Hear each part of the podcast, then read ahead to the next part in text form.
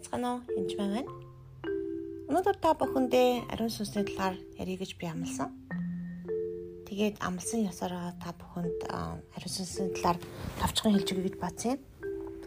Ариун сүнсний талаар яриад байвал дуусахгүй мэдээж. Гэтэ ариун сүнс гэж юм бэ? Ариун сүнс бол бурхан юм. Библи бидэнд эцэг бол бурхан гэдгийг заадаг.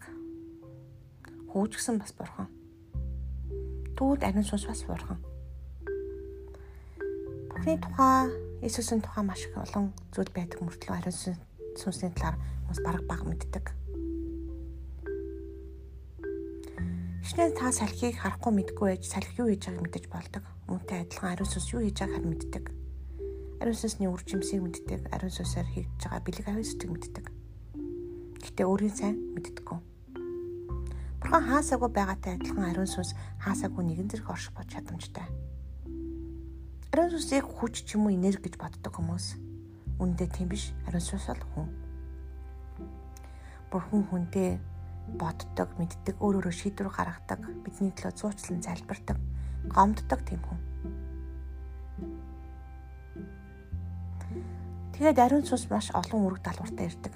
Тэр мэдээж бидний зөвлөг, зуучлан залбирах туслах, туслагч гэд олон зүйлийг хэлдэг.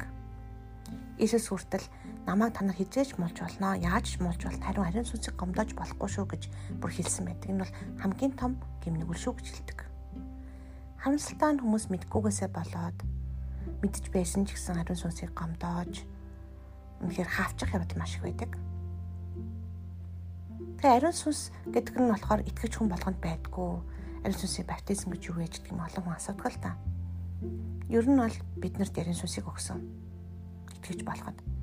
Харамстай бид тэрийг мэддэггүй. Ариун сүнс биднийг мэддэг, харин бид ариун сүнсийг мэддэггүй. Итгэгч бүх бүх хүнд өгсөн байдаг. Ариун сүнс бас олон үүрэгтэй байдаг боловч энэ үүрэг нь үнэхээр хамгийн их таалагддаг. Энэ таалагддаг үргийг би Эфес намын 4:30-ыг уншиж юм. Бухны ариун сүнсийг бүх гомдоо. Тэгэхээр үнэхээр ариун сүнс гомддог байх нэ хүн юм чин гомдсон штэ. Тэгэхээр таа ч гэсэн бас гомдож болно гэсэн үг. Гэтэ гомдсон ч гэсэн тэрийг хурдан уучлал цэвэрлдэг. Харин Бурхны ариун сүнсийг бас бөхөөж хавч тохиол байдаг. Энэ талаар бас нэг жишээ хэлье л да. Нэг удаа манай чуулган дээр идэвхтэй чөлөөлт хийдэг хүмүүс ирсэн юм. Үнэхээр пастор маань аа та нар идэвхтэй чөлөөлт хийж болохгүй шүү. Хүн битгий нэг идгээгээрээ гэтгсэн. Тэгж хийлгдсэн залуучууд хавж өгсөн. Гэтэ яхав залбирсан.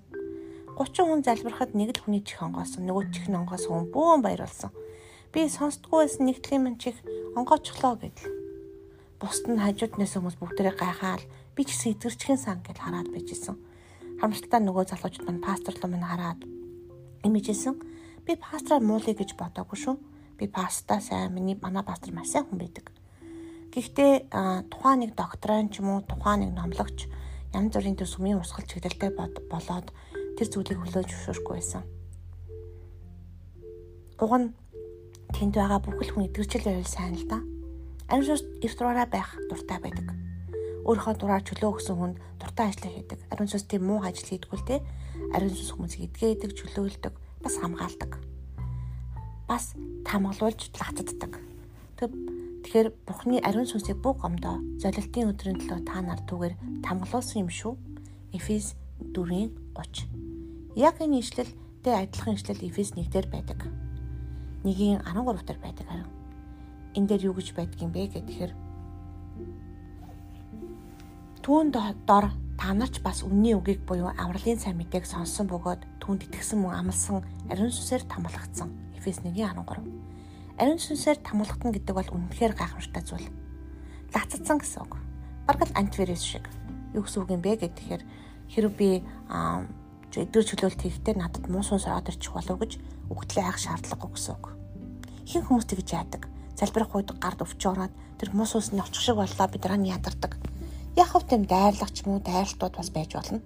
Гэтэ ариун сүнс намайг тамгалсан бөгөөд хамгаалж байгаа учраас миний сүнс рүү нэвтэж орж чадахгүй. Харин махан биеийн мөсгөл санаа руу операшн үзүүлэх боломж бол дарамт үзүүлэх боломж бол байдаг. Гэтэ ариун сүнс намайг лацсан. Энэ бол гайхамшигтай биш үү Гэтэ ариун сүнсийг мэдтлээ надад олон хугацаа орсон. Би ичнээ итгэжгээд олон жил явсан байсан боловч ерөөсөө ариун сүнсийг сайн мэддэггүй байсан. Яг үндэ 7 онд л мэдэж эхэлсэн гэсэн үг. Мэдээд нэг хэдэн жил 10 хэдэн жил болж байна гэсэн үг. А түүнтэй хамдарч ажиллаж гисэн эхэндээ бол ажил гал оролдоо олж чадахгүй нэг баг жаргалж чадахгүй хүн шиг хоол ид суртлаа хугацаа ордог тэрнтэй л адилхан болсон. Зарим хүн нэг багжаар байшин барих гэж буй муу нэг өрөөний нэг шкаф хийх гэж буй юм болдог бол зарим хүн тэр яг адилхан багжаар бүгд бүтэн уран барилга барьдаг. Тэгэхээр зарим зүйлд хугацаа орно. Тэр өөрийгөө битгий шүмжилж хийдгээрээ ариун сүнстэй хамтарч ажиллана гэдэг бол ариун сүнсийг таньж мэдхээс эхэлнэ. Түүний бэлэг аюулсыг хүссэн тэмүүлгээс гадна түүний үр жимсэг тэмүүлгээс гадна яг өөрийг мэдэх гэж оролдороо. Ариун сүнс бол хүн. Үнэхээр гоё хүн шүү. Баярлаа. Баяр та.